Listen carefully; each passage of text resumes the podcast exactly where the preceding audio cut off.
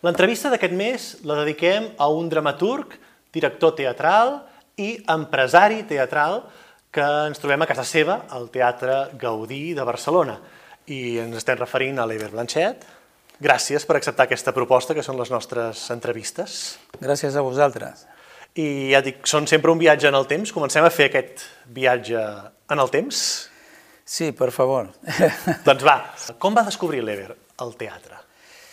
Al col·le, a l'ensenyança primària, el sisè any d'ensenyança primària, m'han donat un paper de Martín Fierro, de José Hernández, una, una epopeia de gauchos i, i jo havia de fer de gaucho. I aquest va ser el primer, la primera entrada al món teatral, no? Sí, i recordo fins i tot alguna estrofa d'aquella epopeia. Una, por ejemplo, y la diré en uruguayo, es muchas cosas pierde el hombre, que a veces las vuelve a hallar, pero les voy a enseñar, y es bueno que lo recuerden, si la vergüenza se pierde, jamás se vuelve a encontrar. És a dir, que aquelles primeres frases de fa molts anys, quan vas descobrir el teatre, encara estan gravades, no? Sí, sí, sí, sí. Aquí com el final d'Arturo Uí. Són aquelles coses que, que, sí. que, reben, que quan ho fas, sí. com a nen, com a petit, com a adolescent, reps un impacte emocional tan fort que se't queda gravat per la vida, sí. no? Que és una mica el que hem d'aconseguir amb els espectadors quan venen al teatre, no? Sí, clar. I tenim la descoberta del teatre, recordes la de la música? Bueno, lo de la música és una cosa que l'explico, la, la, la faré molt breu. Eh, a casa meva hi havia dues professores de piano i hi havia un piano, però els homes no podíem estudiar piano, sinó que havíem estudiar acordeón o bandoneón. I tinc un tiet que va estudiar bandoneón i tocava Bach en un bandoneón i era, una, era meravellós. Les meves germanes tocaven, jo sentia música cada dia, tots els estudis. Imagina't tu, no? Eh, Chopin, Beethoven, Liszt, eh, jo què sé, tots. Eh, els, els sentia a diari. I eh, jo no manifestava cap interès per la música, però em van posar a unes classes d'acordió en piano. I en allà, com que jo havia d'anar a molt d'hora pel matí, la professora m'esperava en matí. S'aixecava el llit i em venia a fer la classe. I tenia unes cames precioses i, i uns pits preciosos. Eh, I ella era una noia jove i jo era una criatura, no recordo quina edat tenia en aquella època. Però jo me posava a mirar-li les cuixes. I quan, quan ella em corregia, li mirava els pits. I ella es posava incòmoda i se n'anava i em deixava deures. I jo tocava malament l'acordeó perquè ella tornés a corregir-me.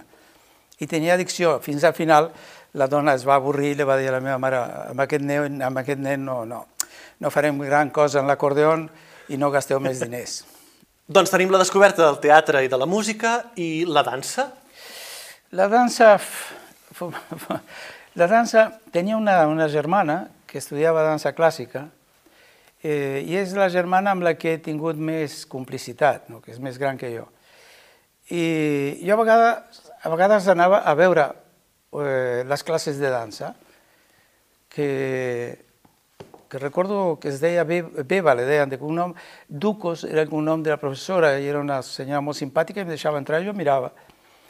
Però després, en el teatro, en el curs d'interpretació del Teatro del Pueblo a Montevideo, que era un teatre que es feia en el Teatre Victoria, que havien fundat els anglesos junt amb el ferrocarril, uh -huh. i es van ajuntar un grup de, de, de professors excel·lents, eh, i va, allò va durar tres anys perquè no tenia ajudes públiques i perquè bueno, el que pagaves també era com una broma, no?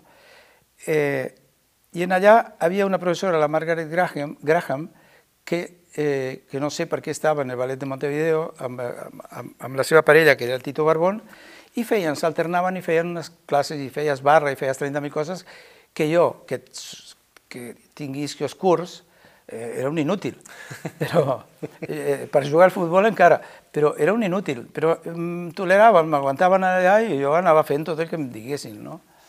A partir d'aquí eh, no vaig tornar a una aula de dansa, eh, em vaig tornar amb la Maria Minetti, que era una senyora de, de, de contemporani, per dir alguna cosa, que feia una cosa semblant eh, a la Belina Argüelles, uh -huh. eh, i que jo la recordo sempre perquè els exercicis que fèiem eren molt senzills, però treballaven tot, no? O sigui, tot el cos. Tot el cos, sí. I clar, ja has mencionat l'escola, a Montevideo, eh, a 17 anys hi vas anar. Sí. Uh, llavors, això com arriba aquest pas de dir... Es plantejava ja com una feina? Era com, no sé què, ho provarem? Uh... Doncs eh, amb, amb la Sílvia, amb la meva germana, ella em va portar a veure Arturo Gui en Montevideo, que estava al Villanueva Cosa, que després es va fer un consagrat a Buenos Aires, estava com a actor i feia el personatge de Hitler, no? feia el personatge... Eh, però jo, jo vaig anar a veure l'obra en, una, en una carpa que tenia l'associació d'actors i directors, que era FUTI, eh, i, i va ser l'última obra que es va fer en aquella carpa perquè la va arrasar un vendaval i no es va poder reconstruir més. Era meravellosa aquell, aquella experiència de la, de la carpa de FUTI.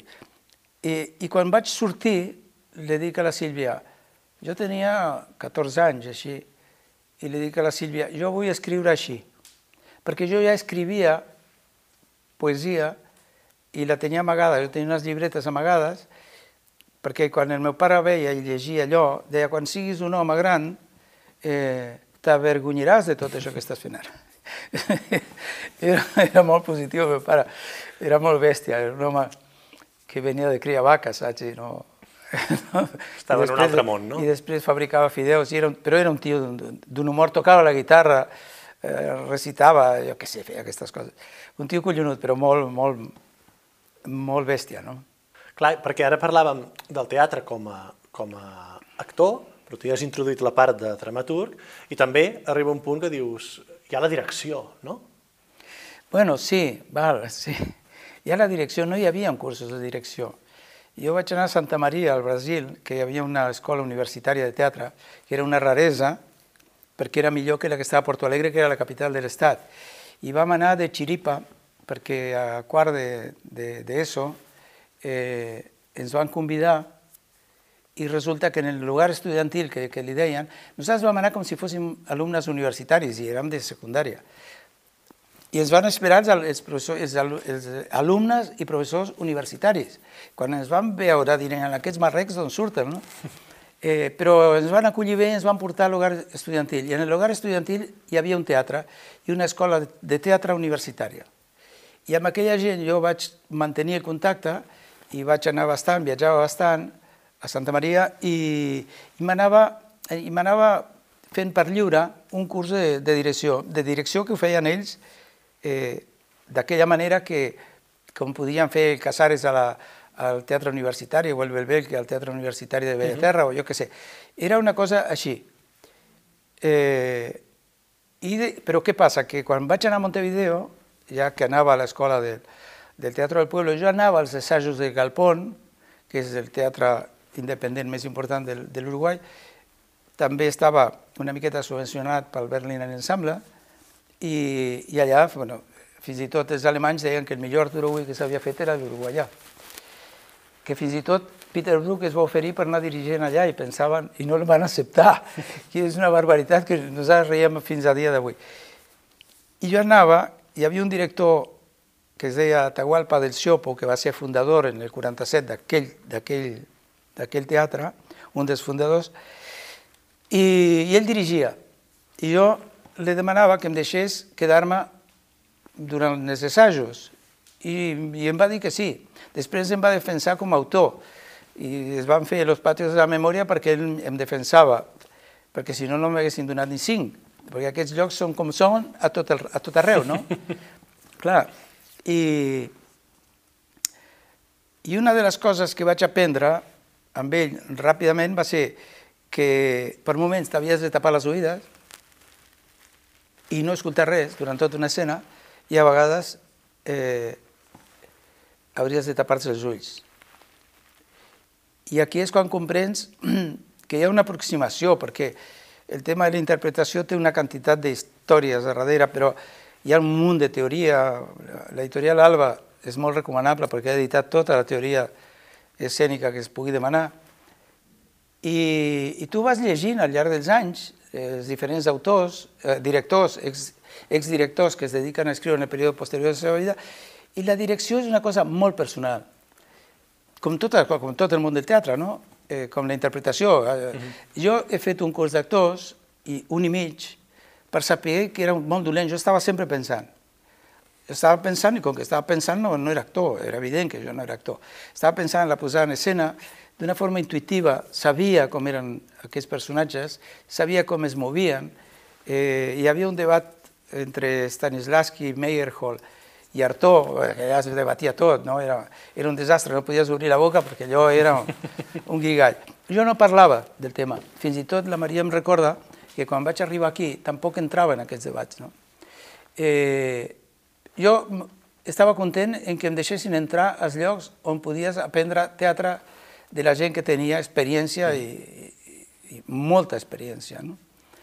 I així va ser. Jo, jo escrivia i al final eh, dirigia les meves obres com podia, però sempre pensant en que això per mi era una, era una professió.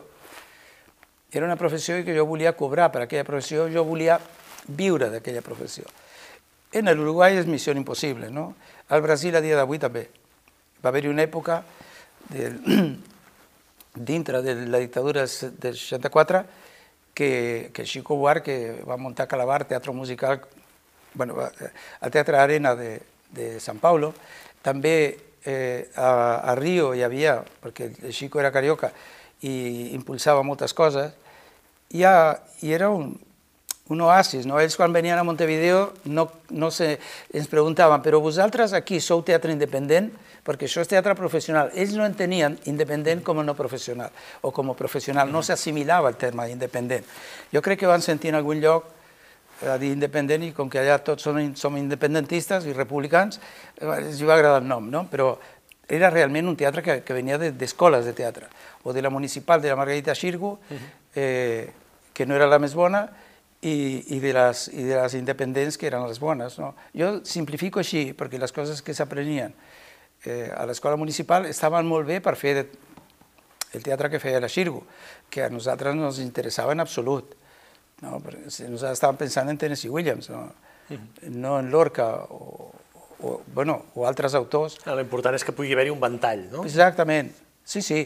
El que passa és que allà aquest ventall no existia, existia un teatre eh, burgès a la Comèdia Nacional i existia un teatre revolucionari al Galpón i existia un teatre independent, que era, eh, en el cas de la, de la Reta, el Taco Larreta i la Chica Ferrella, que tenien el club de teatre i que feien un teatre que no tenia una tendència eh, política mm.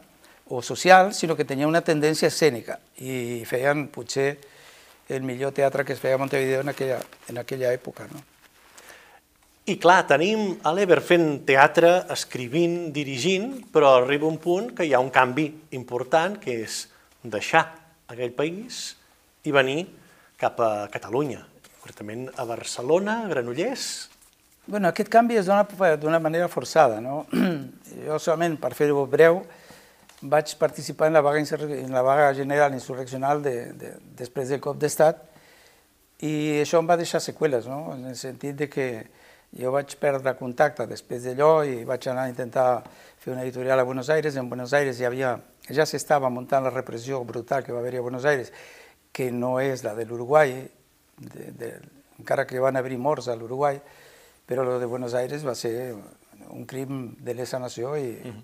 I van deixar la cuneta. Van matar tots, per dir alguna cosa, a tots els advocats de Montoneros. A tots, 300 advocats. Es van, es van matar eh, a casa seva, no? o, o es retiraven i es mataven fora. Hi ha un testimoni, hi ha testimonis de tot això. I jo anant a Buenos Aires eh, no, no em veia, perquè veia la repressió per totes bandes, i com que jo havia participat de la vaga general de, de, de, de Montevideo, eh, que era de l'Uruguai, però en realitat de Montevideo, eh, no em sentia segur. I com que tenia doble nacionalitat brasilera i uruguaiana, perquè era de la frontera, la família de la meva mare era de, de Bagé, del Brasil, eh, el cognom ho diu, Dos Santos, eh, que quan arriba a Rio diuen Santos, perquè el dos és, és, és pejoratiu, eh, mm. perquè és com de casta, no? De l'os, no? I de, és pejoratiu. I, i, no, i, i, i, i subia això i diuen Santos. Jo, a vegades em diuen Santos i jo no sé a qui, a, a qui criden, no? Eh, I me'n vaig anar al Brasil. I en el Brasil va ser formidable, perquè van fer el que van voler. Vam fer un moviment d'art que va durar tres anys, però aquestes coses van com van. Després es va recuperar, es va mantenir moltes coses que van fer en aquell període vam perviure fins al dia d'avui en companyies de titelles, eh, grups de música, eh, amb noms molt, molt, molt divertits, no? Negro, mulato y blanco, porque ellos eran uno negro, el otro mulato y el otro blanco, ¿no? eh, sí, y siguen tocando y son, tienen mi edad, ¿no? Eh, y bueno, y yo tengo un récord magnífic perquè en plena dictadura brasilera eh, nosaltres ocupàvem l'Assemblea Legislativa, la part de, de periodisme, i fèiem servir tot el material de l'Assemblea, fins i tot revelàvem fotografies, tot, i el moviment d'art, perquè allà el cap de seguretat de l'Assemblea era comunista. I la, i la filla d'aquest eh, estava en el Departament de, de Comunicació de l'Assemblea. L'Assemblea és, és, és, és el Parlament d'un estat federal, no? No era poca cosa el que estàvem fent. Ens vam divertir moltíssim, però va arribar un moment que també vam tenir, bueno, dos, el Roberto Gom, que, que tenia nacionalitat alemanya, i jo eh, vam decidir sortir per, perquè, per, bueno, perquè teníem por, perquè teníem por i volíem sortir. I vam sortir i ens vam trobar, ell no va aguantar l'exili, eh, vam venir per diferents llocs i ens trobàvem a París i, i al marxar el Roberto jo vaig venir a, a Barcelona per una setmana i fins ara. Tenia 30 anys i, i havia viscut molt. Havia viscut molt i massa i a més a més eh, quan vaig arribar a Barcelona i anava a donar classes, perquè el Bonin em va enviar a Terrassa a donar unes classes a l'Institut del Teatre. I per tant, Vas arribar a Catalunya i de seguida, com has dit, eh, amb el Bonin, vas començar a entrar en contacte no, amb el món teatral, no? Vaig arribar a Catalunya eh, i hi havia un traductor d'alemany a l'Uruguai que era amic del Feliu Formosa, que uh -huh. havien coincidit a Berlín i no sé què, i, i quan jo li he dit, escolta, eh, vaig a París, però no sé què faré. I diu, ui, jo a Barcelona tinc un amic que, que hem coincidit i tal, i, Feliu Formosa, i em va donar uns contactes a Barcelona el que passa sempre, no? I tu vas, i jo portava un, un, un currículum que deia que també eh, feia gestió cultural, que en realitat jo el que havia fet és gestió econòmica, no? Eh, eh, perquè havia tingut de fer altres coses, no solament amb el meu pare, sinó independentment per, per poder sobreviure, no? Eh, però clar, eh, quan explicava el moviment d'art i com s'administrava i com no s'administrava, o, o coses així, algunes experiències d'aquestes, eh, em deien, escolta, i podries treballar aquí? De, de, de, de, no, d'això no, jo vull donar classes, que ho vaig fer fins als 40, i ni un dia més, eh, o direcció escènica o dramatúrgia. Jo feia aquestes coses. Vaig parlar amb el Salinas, que treballava pel Paco Morán, i em va, va, va encarregar la primera obra pel Paco Morán i després la llegeix i diu això sembla una obra de Buero Vallejo, Paco no puede hacer esto. Dic, bueno, bueno, vale, però jo pensava que feia riure, saps? no sé. Bueno, va, així vaig anar d'un lloc a l'altre, entre ells vaig a veure el Bonin, el Bonin m'envien allà, després em diu parla amb el Roda perquè estem per obrir una escola a Granollers, vaig a arribar a Granollers i, i com que anava així buscant feina, eh, eh, l'Ajuntament de Granollers contractava uns, eh, uns, lo que no me recordo com té un nom, que és un, un funcionari eh, fora de, de l'administració, -huh. un funcionari eh, tra treballadors, eh, no sé, una cosa rara com treballador laboral, no, no recordo com era. Eh, I van fer unes unes oposicions que no eren massa difícils perquè preguntaven coses molt fàcils, pel museu, per l'escola de música, pel centre de teatre, per l'escola de música, pel museu, pel centre de teatre i l'emissora. En l'emissora el Llumaró, el Lluís Llumaró estava. I vam entrar el Riera, el Llumaró, el Noguera i jo. Eh, cada un en el seu lloc. Ens preguntaven com fer un programa, com fer una programació de teatre, en el meu cas, com fer com organitzar una, una escola de teatre, jo vaig fer un legajo, com, no? que començaves en, eh, en Aristòtil i acabaves en... Tota la, la història teatral, sí, un pla acadèmic, Fernando, no? Jo, jo què sé, acabaves en el que més t'agrada, eh, Schopenhauer, no? Eh, I vaig fer com un llegajo, i, bueno, i em van contractar, i vaig estar 13 anys col·laborant en tot. Jo pensava que, que realment estava fent la revolució, perquè els canvis de, i els projectes socialistes, però després m'he donat que hi havia errors, es destruïen patronat per substituir per funcionaris. I la programació d'una cosa, saps? He vist que, que, que van fer, i feien coses com molt ben fetes, però altres que no ho eren tant. Però tinc un molt bon record eh, de la Montserrat Illa, que era la política que, amb la que vaig treballar més, i estàvem contractats per 30 hores, o no recordo, 36 hores que era, però jo recordo que anava al matí a l'Ajuntament i, a la, i a la tarda nit al centre de teatre. O sigui, jo feia 50 hores a la setmana, era una barbaritat. Però tinc molt bon record de, de Granollers, de, tinc amics de Granollers, eh, con, encara, uns que va, un que va ser conseller de Cultura, altres que tenen botigues i que ens facilitaven roba, vestuari, eh, també de gent que vaig conèixer a, a Granollers i que, bueno, que entre ells l'Òscar Molina, que, que, bueno, que ens hem acompanyat tota la vida, en el sentit de que sempre que tenim treball, amb el Jesús Fernández, Borràs, amb gent que hem mantingut, i, i amb la Maria Clausó, que en realitat la vaig conèixer a Terrassa, eh, fent classes d'aquelles que m'enviava el Bonin, i, i la Maria, que en l'època la deien Maite, i la Maria eh, va, amb altres alumnes, els va dir què us sembla si, anem, si deixem Terrassa i ens anem a Granollers? I al final van marxar quatre del curs de, de, de, de Terrassa i jo les, els feia classe a Granollers. Entre ells amb la Maria fins ara. També fins ara, com el viatge, no? Sí. Companya de viatge, en Companya de viatge a les bones, a les madures, a les dolentes, plou, neva, cau pedra... Que són els bons companys de viatge, aquests. Sí, que després hem fet el versus, que eren més, però altres es van rajar, evidentment, perquè era un risc enorme, no? Uh -huh. Nosaltres vam, tenir, vam tenir de vendre el pis de Granollers per fer el versus i aguantar tres anys sense ajuda. Eh, quan tu deies que s'han de posar 60.000 euros, per, per dir alguna cosa, no? Eh, bueno, ningú volia posar res, tot ho havia...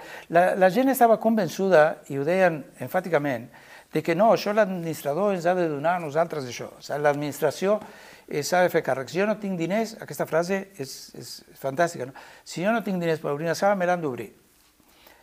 I clar, eh, jo venia d'un altre món, no?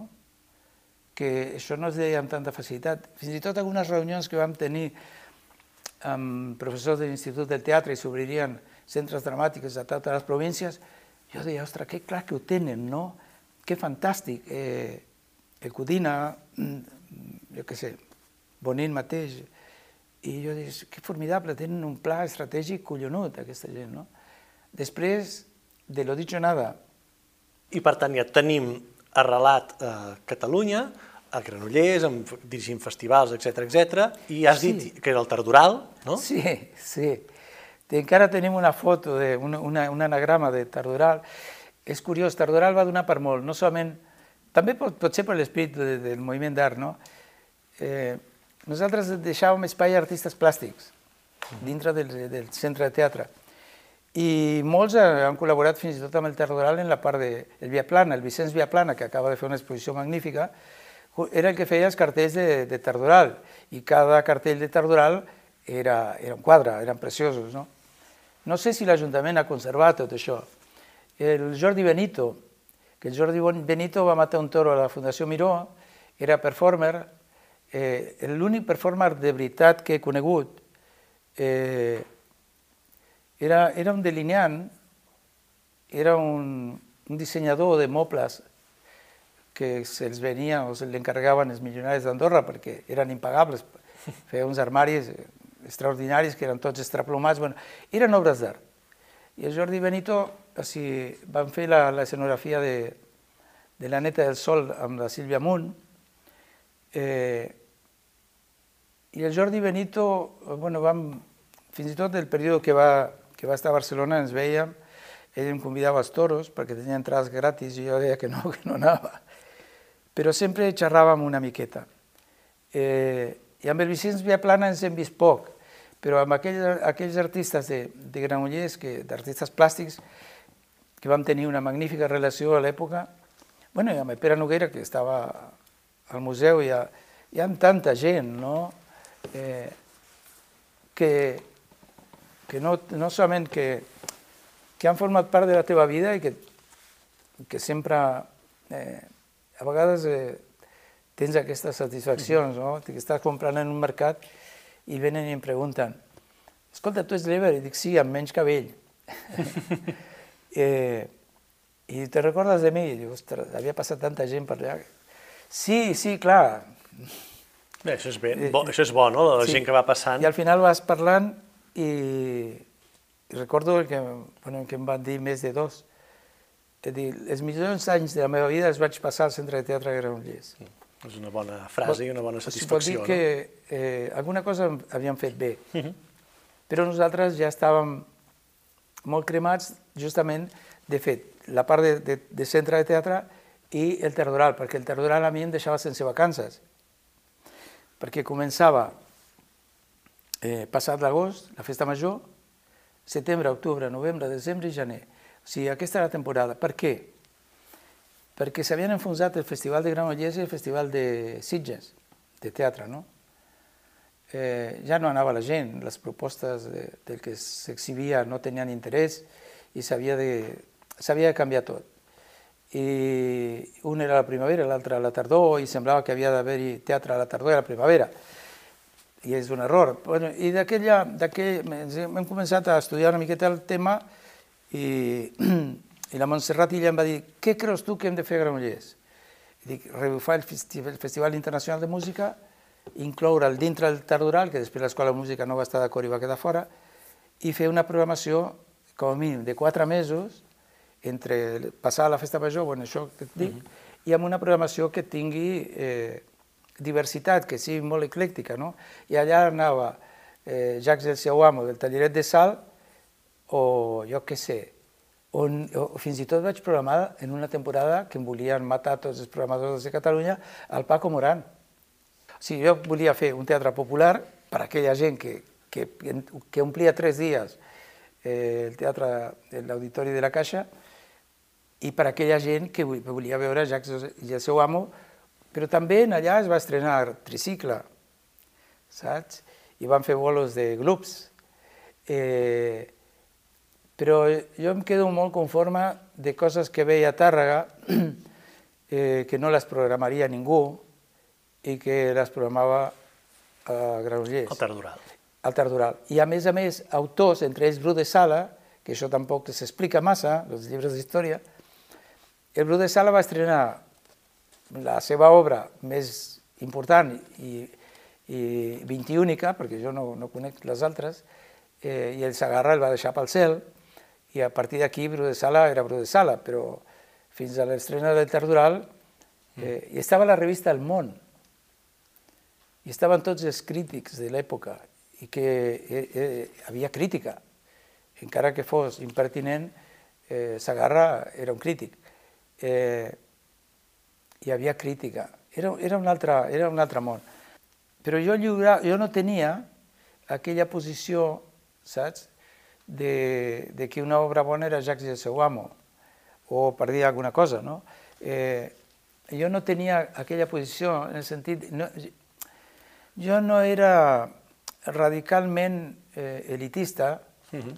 eh, encara que vaig ser un afortunat d'haver-hi vist la millor funció d'Esperant Godot, i la vaig veure a Montevideo, no? Eh, o sigui que vaig veure tot el teatre de l'absurd, vaig veure tot el teatre eh, intel·lectual que s'estava escrivint a l'època, perquè a més a més hi havia gent que venia a, a, a Londres i li, i li donaven una maleta de textos després de fer un curs, saps? I tornaven a Montevideo amb una maleta de textos britànics. I després vaig tenir un professor que quan s'editava a Tennessee Williams, Arthur Miller i la, aquesta generació, que havien altres que no, que no eren coneguts, ell anava a, a Nova York comprava els textos i a l'aula la, t'ho llegia en castellà. Uh -huh. bueno, de tot això, jo no tinc la mirada que tenen uns de sales alternatives. Jo, no, jo crec que les, el nom de sala alternativa és bo, perquè és una alternativa. No sé si era el bonic que deia, bueno, però l'alternativa que a tot, al públic, no treballar solament per, per una èlite, sigui de l'èlite d'esquerres, de dretes, del liceu, o per, no treballar per èlites, eh, treballar a prop de, de la perifèria, no treballar en el centre, alternativa a moltes coses, perquè la gent que es, que es vesteix bé per anar al teatre, al, al paral·lel o al... Bueno, aquella gent, en, en, en l'època que jo vaig ser programador, eren 10.000 persones que compraven moltes entrades. L'èxit de la Beckett ve quan surten d'Alegre de, de, de Dalt, perquè Alegre de Dalt eren 500 persones que compraven 9.000 entrades. Era insignificant, fins i tot dintre de les sales alternatives. Sort que li van donar una seu i, i, i és un, un centre, jo, jo entenc jo, més pedagògic que, que d'exhibició, per això han de fer el que fan, cada un pot justificar el que pensa, però jo pensava sempre que hi ha que recuperar per l'audiència teatral les persones que en el seu cicle vital no estava inclòs el teatre, ni la dansa, ni la música. Uh -huh. Per tant, eh, era necessari que més gent eh, fes ús eh, de les arts. Sí. I vas crear la sala Versus, que abans el que dèiem de les sales alternatives, no? eh, Extra Radi, eh, Glòria s'acaba d'inaugurar eh, un túnel que passa per sota, per fi, no? des de feia uns quants anys que, que estaven en obres, el panorama, tal com coneix potser avui en dia la gent Glòries, no tenia res a veure amb com era a l'època que es va, el 95, no? quan es va crear el Versus. Sí. Va ser un període mm, mm, dels primers 10 anys eh, meravellós, no?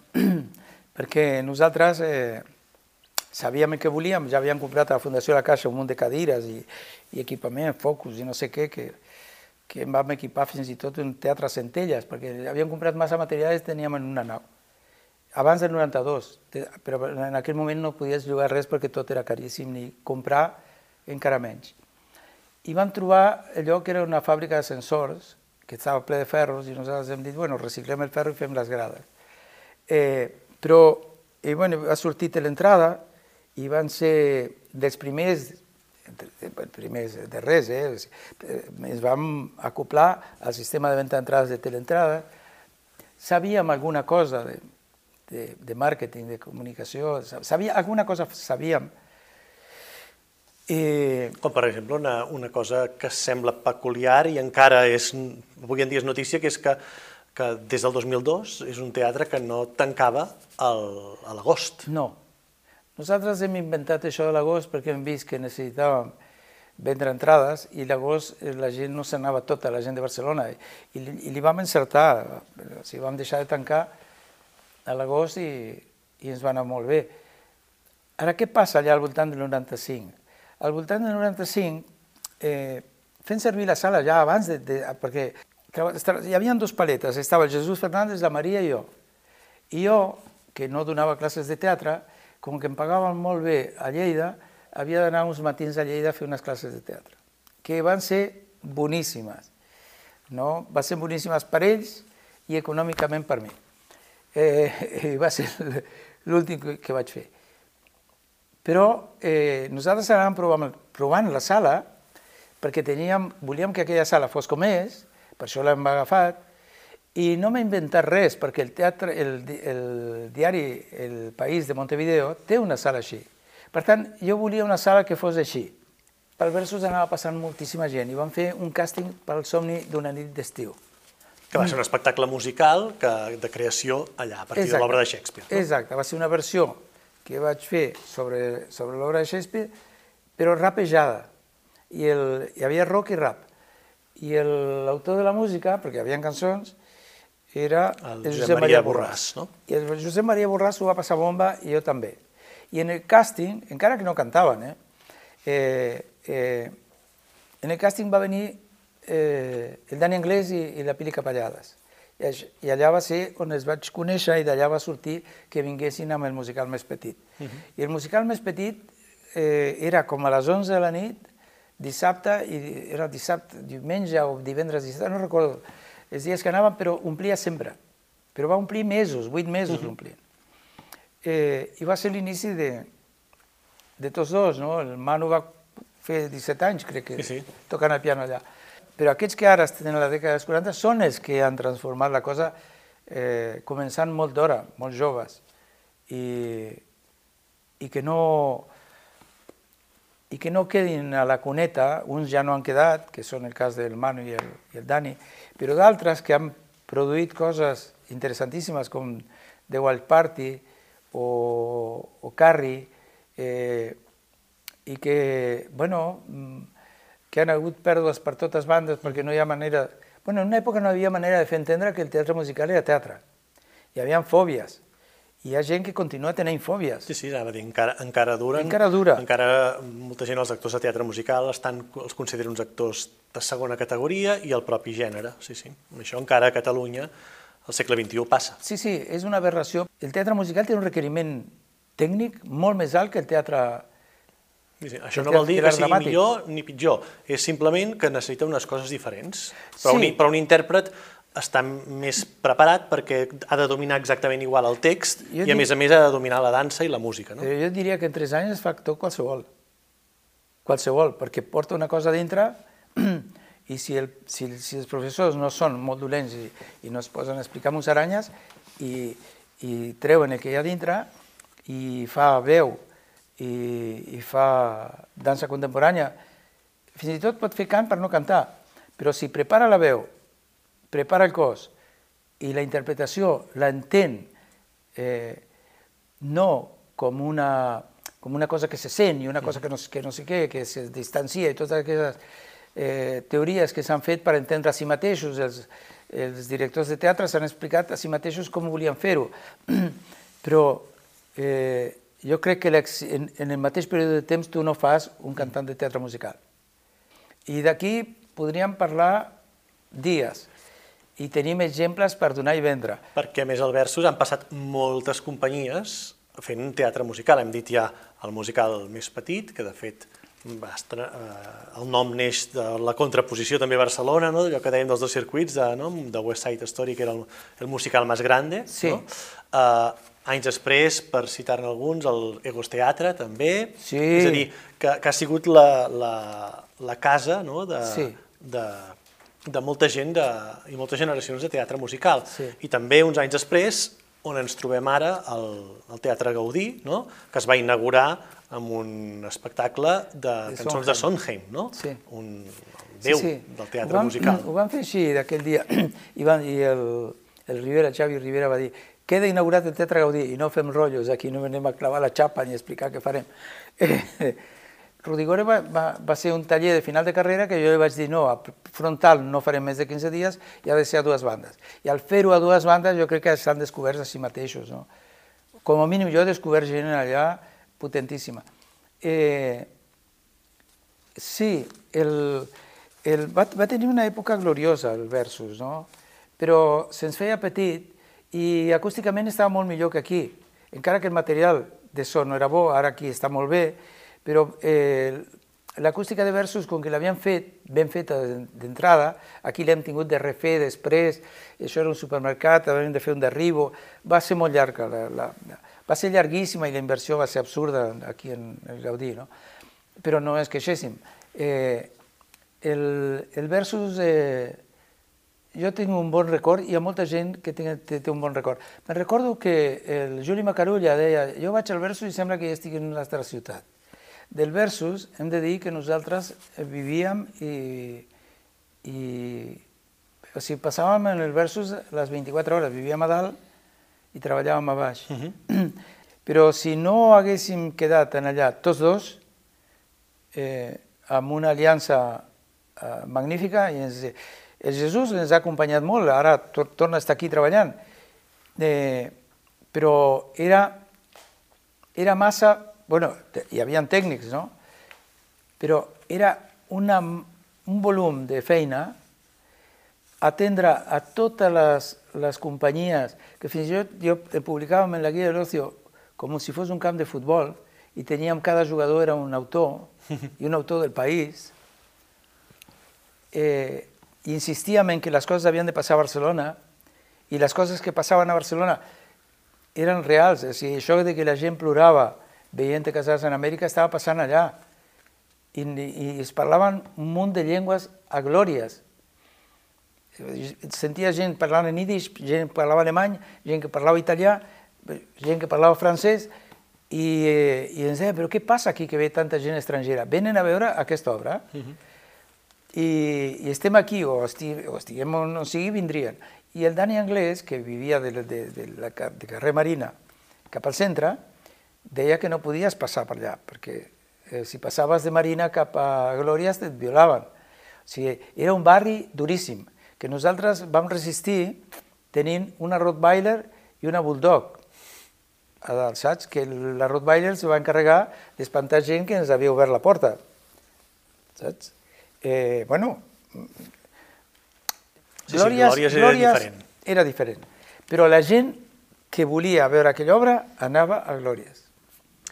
I, de... I el musical més petit, un altre. Com tant. moltes altres companyies, i també aquí, perquè, eh, i no només companyies, sinó hi ha autors que només s'han vist a Catalunya, o es van veure per primera vegada a Catalunya, el Versus i el Gaudí. No? Per tant, diguem-ne, també ha sigut bressol. Andrew Lipa, Cole Porter, Richard Rogers, eh, Adam Brown, és a dir, eh, sí. Ha fet un cultiu no? del que fora hi havia posat aquí el, el Gaudí d'una factoria sí. de, de, de teatre musical. No? Totalment, o sigui, nosaltres volíem que el Versus fos un teatre d'autoria catalana contemporània i això ja estava assegurat i a més a més ja sabien eh, també eh, eh, la B que, que al principi mirava Pinter, en l'època de Sanchís miraven solament a Pinter, comença a mirar l'autoria catalana contemporània, el Tandarantana també, i per mi el tema de, de versos es tancava, no? Eh, quedava el que nosaltres havíem començat, primer, volent fer l'autoria catalana contemporània i el teatre musical de petit format, ja se'ns escapava i volíem fer el teatre de petit format, eh, mantenir-ho i, eh, i venir cap al Gaudí a fer realment una fàbrica de creació. I en 10 anys o en 12 o en 13 van fer 50. Hem acollit, eh? vol dir que s'han produït a Barcelona 50 obres de teatre musical. Sí, que es diu aviat. Que es diu aviat i amb un esforç de moltíssima gent que, que, que, que ha perdut diners. Mm -hmm. Perquè podria semblar no, que, que, com ha passat en alguns casos, no, els més recents podia ser el despertar de la primavera i el, i el sugar, no? sí. que tota aquella gent complia sense escenografia ja només omplien ells perquè no hi cabien més, no? Aquí, sí. de, de tants que eren, han fet el salt a un altre, a un altre teatre. Sí. Uh, no sé si això és el que hauria de passar, però aquestes obres, quan les veus en, a Londres o a Nova York, estan en un format més gran, no? Per, possiblement aquí podem de, de trobar algun problema de, del país, no? d'aquestes propostes, ningú dels teatres grans les vol arriscar. No? És així, és així, fins i tot eh, jo sé de companyies que han comprat drets d'autor que després els teatres grans no, no l'han programada.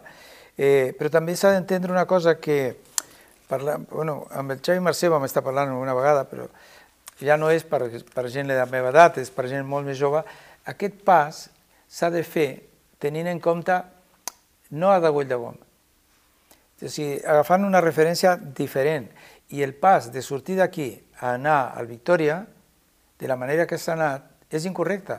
O sigui, en el moment que tu entres al Victòria, has d'entrar amb una producció del tamany del Victòria, però tothom vol eh, duros a quatre pessetes, no? S'ha de tenir recursos, tant més si són públics o privats, no? Però el que no podem, podem fer, i hem deixat de fer-ho, és comparar-nos amb Berlín, amb Bonn, jo que sé, amb Londres eh, o amb París. No, no podem fer aquesta equació. Nosaltres eh, hem de fer-ho a la nostra mida. Ara, si l'obra si la, si passa pel Gaudí, surt del Gaudí i va a una sala gran, ha d'haver-hi una manera, però és evident que falta aquell que faci el nexe entre el Gaudí uh -huh. el Victòria no, perquè el Victòria ja és, és màgia, no? Eh, per tant, eh, eh, amb el Victòria i no sé qui de Balanyà, perquè Balanyà té un munt de cinemes uh -huh. que es pot dedicar a l'activitat escènica, evidentment, eh, perquè ja Netflix eh, estrena en pantalla. Per tant, mm, el cinema, si algú té problemes és el cinema, no? Uh -huh. eh, no els teatres, els teatres no tenen per què tenir problemes. O sigui, jo crec que no, te, no tenim per què tenir problemes i està tan... Necessitem vendre entrades. Aquesta és la cosa. Vendre entrades. Eh, més cares, més barates, si són cares millor. Però no, però hem de vendre, les sales han d'estar plenes. Eh, les sales plenes, vull dir, plenes a la, a la seva... Havia un gestor cultural que deia, un axioma que si tu, plan, si tu programes el Tívoli tindràs l'aforament del Tívoli, si programes el Gaudí tindràs l'aforament del Gaudí. Un, un axioma que és indemostrable però que existeix. O sigui, cada lloc eh, fa un clientelisme determinat i, I jo crec que no s'ha valorat, el, el cas del Teatre Gaudí no s'ha valorat prou, però no s'ha valorat ni a la Conselleria ni a l'Ajuntament de Barcelona, amb la que estem fent gira en, en versos en la disciplina cultural, en Van Gogh, que es va de faula, eh, no ens podem queixar, i, bueno, és, és tremendo lo, que, lo bé que va, però al Teatre Gaudí les administracions no li han fet un lloc. No, segurament, perquè d'alguna manera hi ha coses que són el roce del carinyo, no? I, i a mi que m'interessava moltíssim la política, eh, i he treballat en polítics, i, però eh, a dia d'avui em fa mandra, bueno, a dia d'avui, fa 40 anys que em fa mandra, i, i no estic insistint, i, i, i hauríem de canviar de, així com hem fet amb el versus, eh, de traspassar la sala, no l'empresa, mantenir les empreses que tenim, perquè són empresetes que... Però representa que, que tu tinguis, com diu bé eh, el president de Focus, eh, ells tenen tres unitats de producció, a Barcelona i una a Madrid. Nosaltres teníem dues unitats de producció. Se'ns va retirar l'ajuda a Teatre Nau SL, que és una companyia que té més de 40 anys, que feia teatre infantil amb el Jesús, el, el Regina, que és una companyia històrica no, és, això va arribar un moment que no importa més. No importa que hagin cobrat el sou durant molts dècades unes persones que estan fent teatre. No, no, no es valora.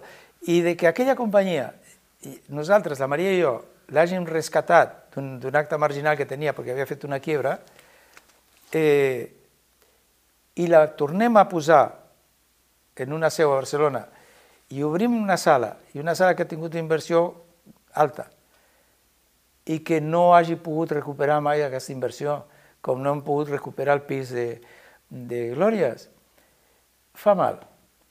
Fa mal perquè et sents discriminat.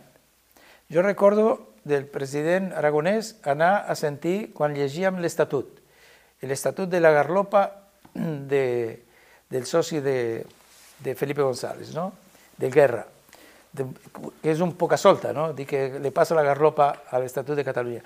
Nosaltres, amb diferents actrius i actors que ens han ajudat, vam llegir tot l'Estatut. I recordo que com militant d'Esquerra de, de, de Republicana, el president aragonès venia a sentir l'Estatut cada dia que fèiem, no sé si fèiem un dia a la setmana o no sé com era, no recordo com era.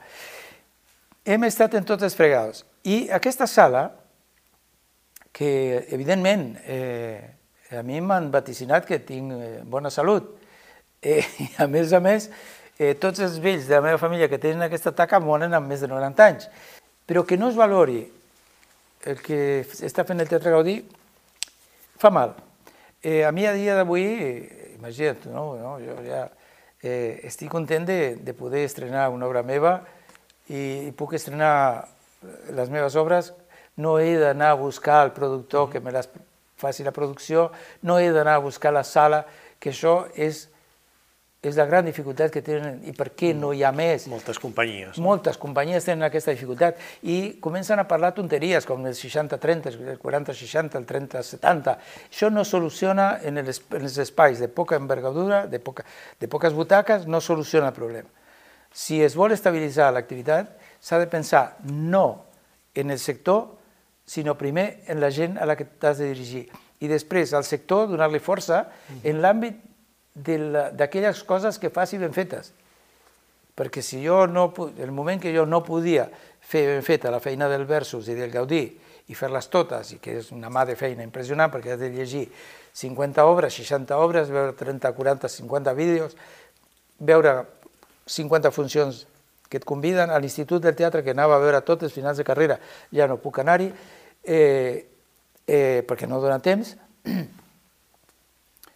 i dius, escolta, eh, necessiten aquests que tiren endavant o que tirin endavant aquestes coses, uh -huh. si continuem eh, sent liberals keynesianos o el que ens definim, eh, que ja no, no, no queda tot lli el lliure mercat, evidentment, solament les elèctriques, eh, nosaltres eh, crec que hauríem de... S'hauria de cridar, com fa el polític intel·ligent, no? o el funcionari intel·ligent, veu una cosa que està funcionant, crida al, al sujeto i li diu, escolta, eh, què necessites? Això feia el Mascarell. El Ferran Mascarell et deia, bueno, si tens problemes, parlem. Jo en un moment vaig estar tentat a tancar versos, no? I ell va dir, això no es tanca. Dic, hem de fer una reforma aquí i jo no me'n surto. O sigui, jo aquí de posar, en aquell moment, 60.000 euros i com a mínim 30.000 m'ha de donar l'administració, perquè si no, jo no puc posar més diners aquí. Per fer tota la instal·lació, eh, quan va canviar del negre al, al verd, uh -huh. al, al llibre d'halògens, havia de canviar tot el que ja s'havia fet. Era fer un teatre nou. I vam fer-lo, i quan el vam tenir acabat, i tot bé, hem començat a buscar algú per traspassar-li allò en condicions i que s'aguantés, perquè ens sabria molt de greu eh, que es tanqués, no? Uh -huh que tanqués, que tanqués aquest local, o anar a llogar un espai petit i fer una productora i quedar-nos a la productora en un espai petit. L'hem trobat la manera, eh, i cada vegada s'interessa més en, en algunes, algunes obres que fem, que són, com en el cas de Van Gogh, per exemple, no? que s'han interessat centres eh, d'ensenyament, però sobretot s'han interessat, que jo crec molt que això anirà bé, ja està anant bé, que són el, el districte cultural. No?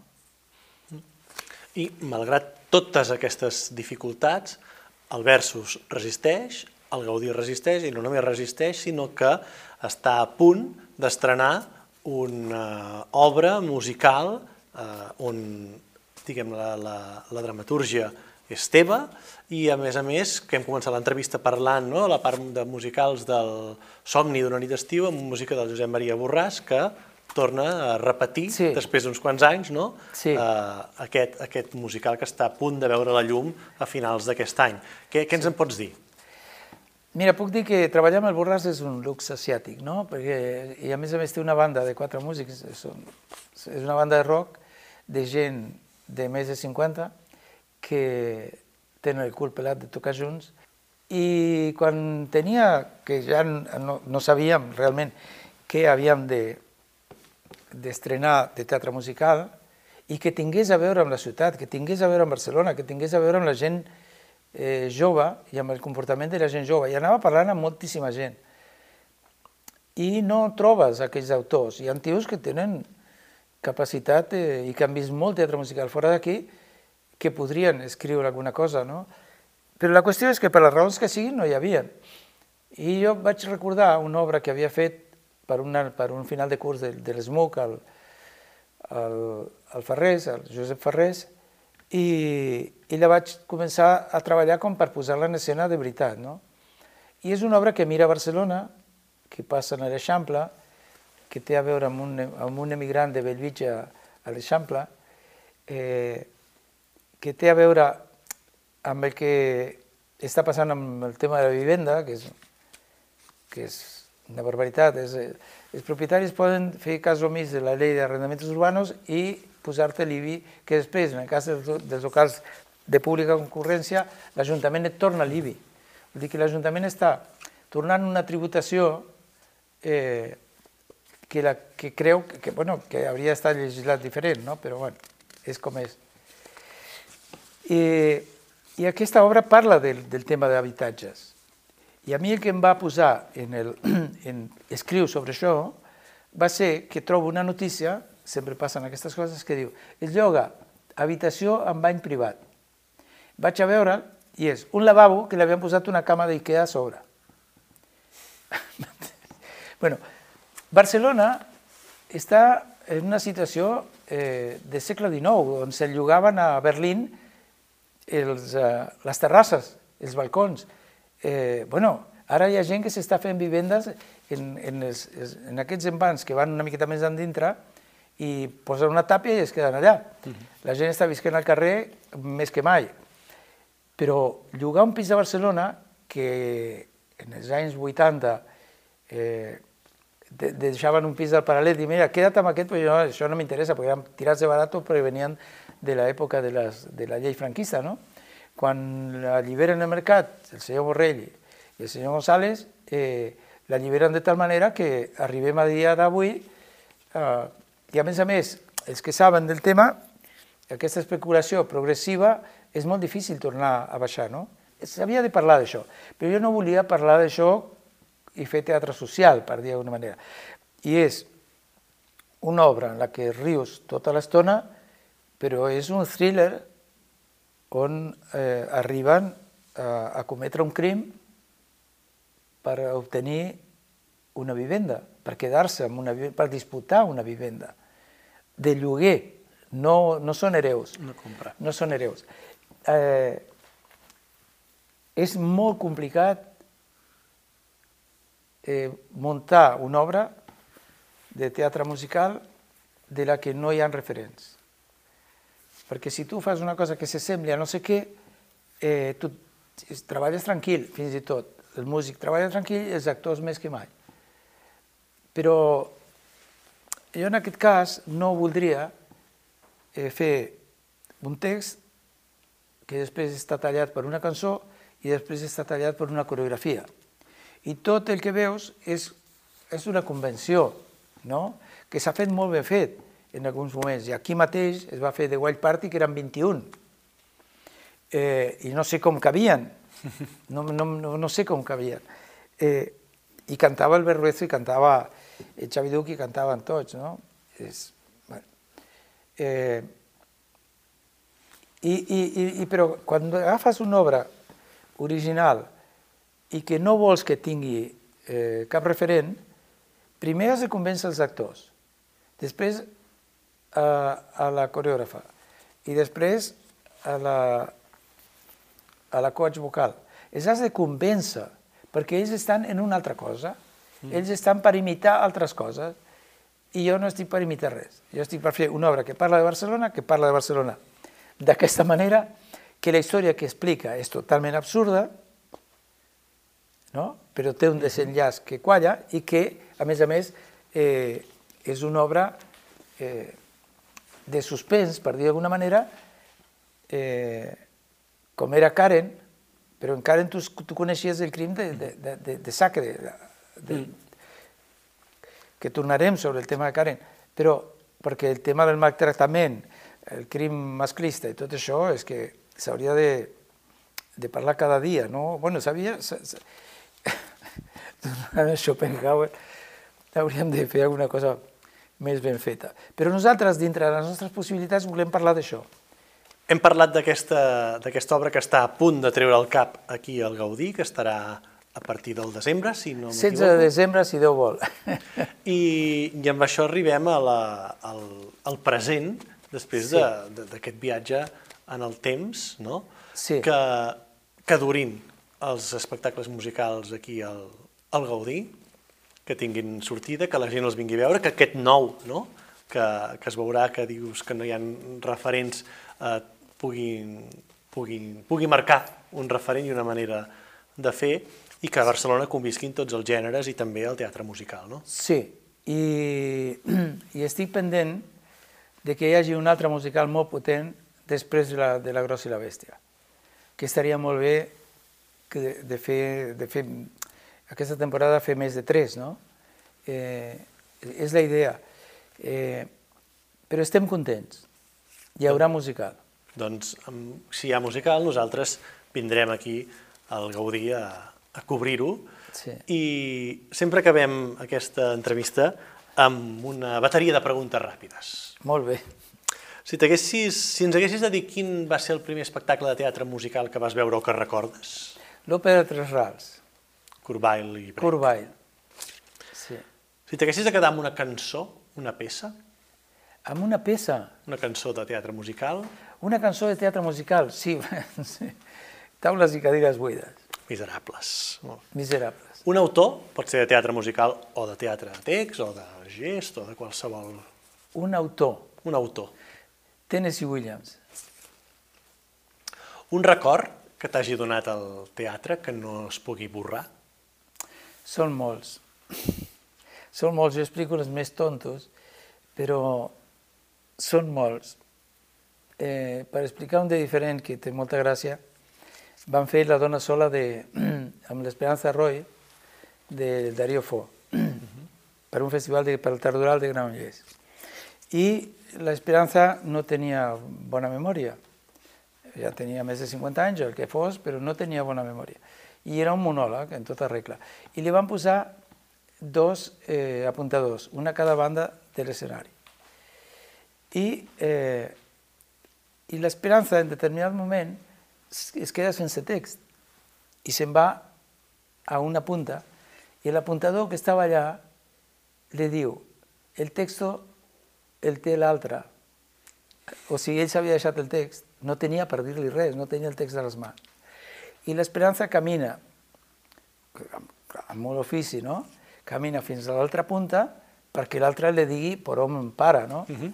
I torna a engegar el monòleg de la dona sola, que va ser, bueno, que va ser molt celebrat a Granollers, que va, bueno, Josefina Molina l'havia fet per televisió i estava encantada en la versió teatral, bueno, l'Esperanza Roy estava contentíssima, jo més content que tots. I per tant, la presència de l'apuntador va passar desapercebuda, no? Va passar desapercebuda. I la última.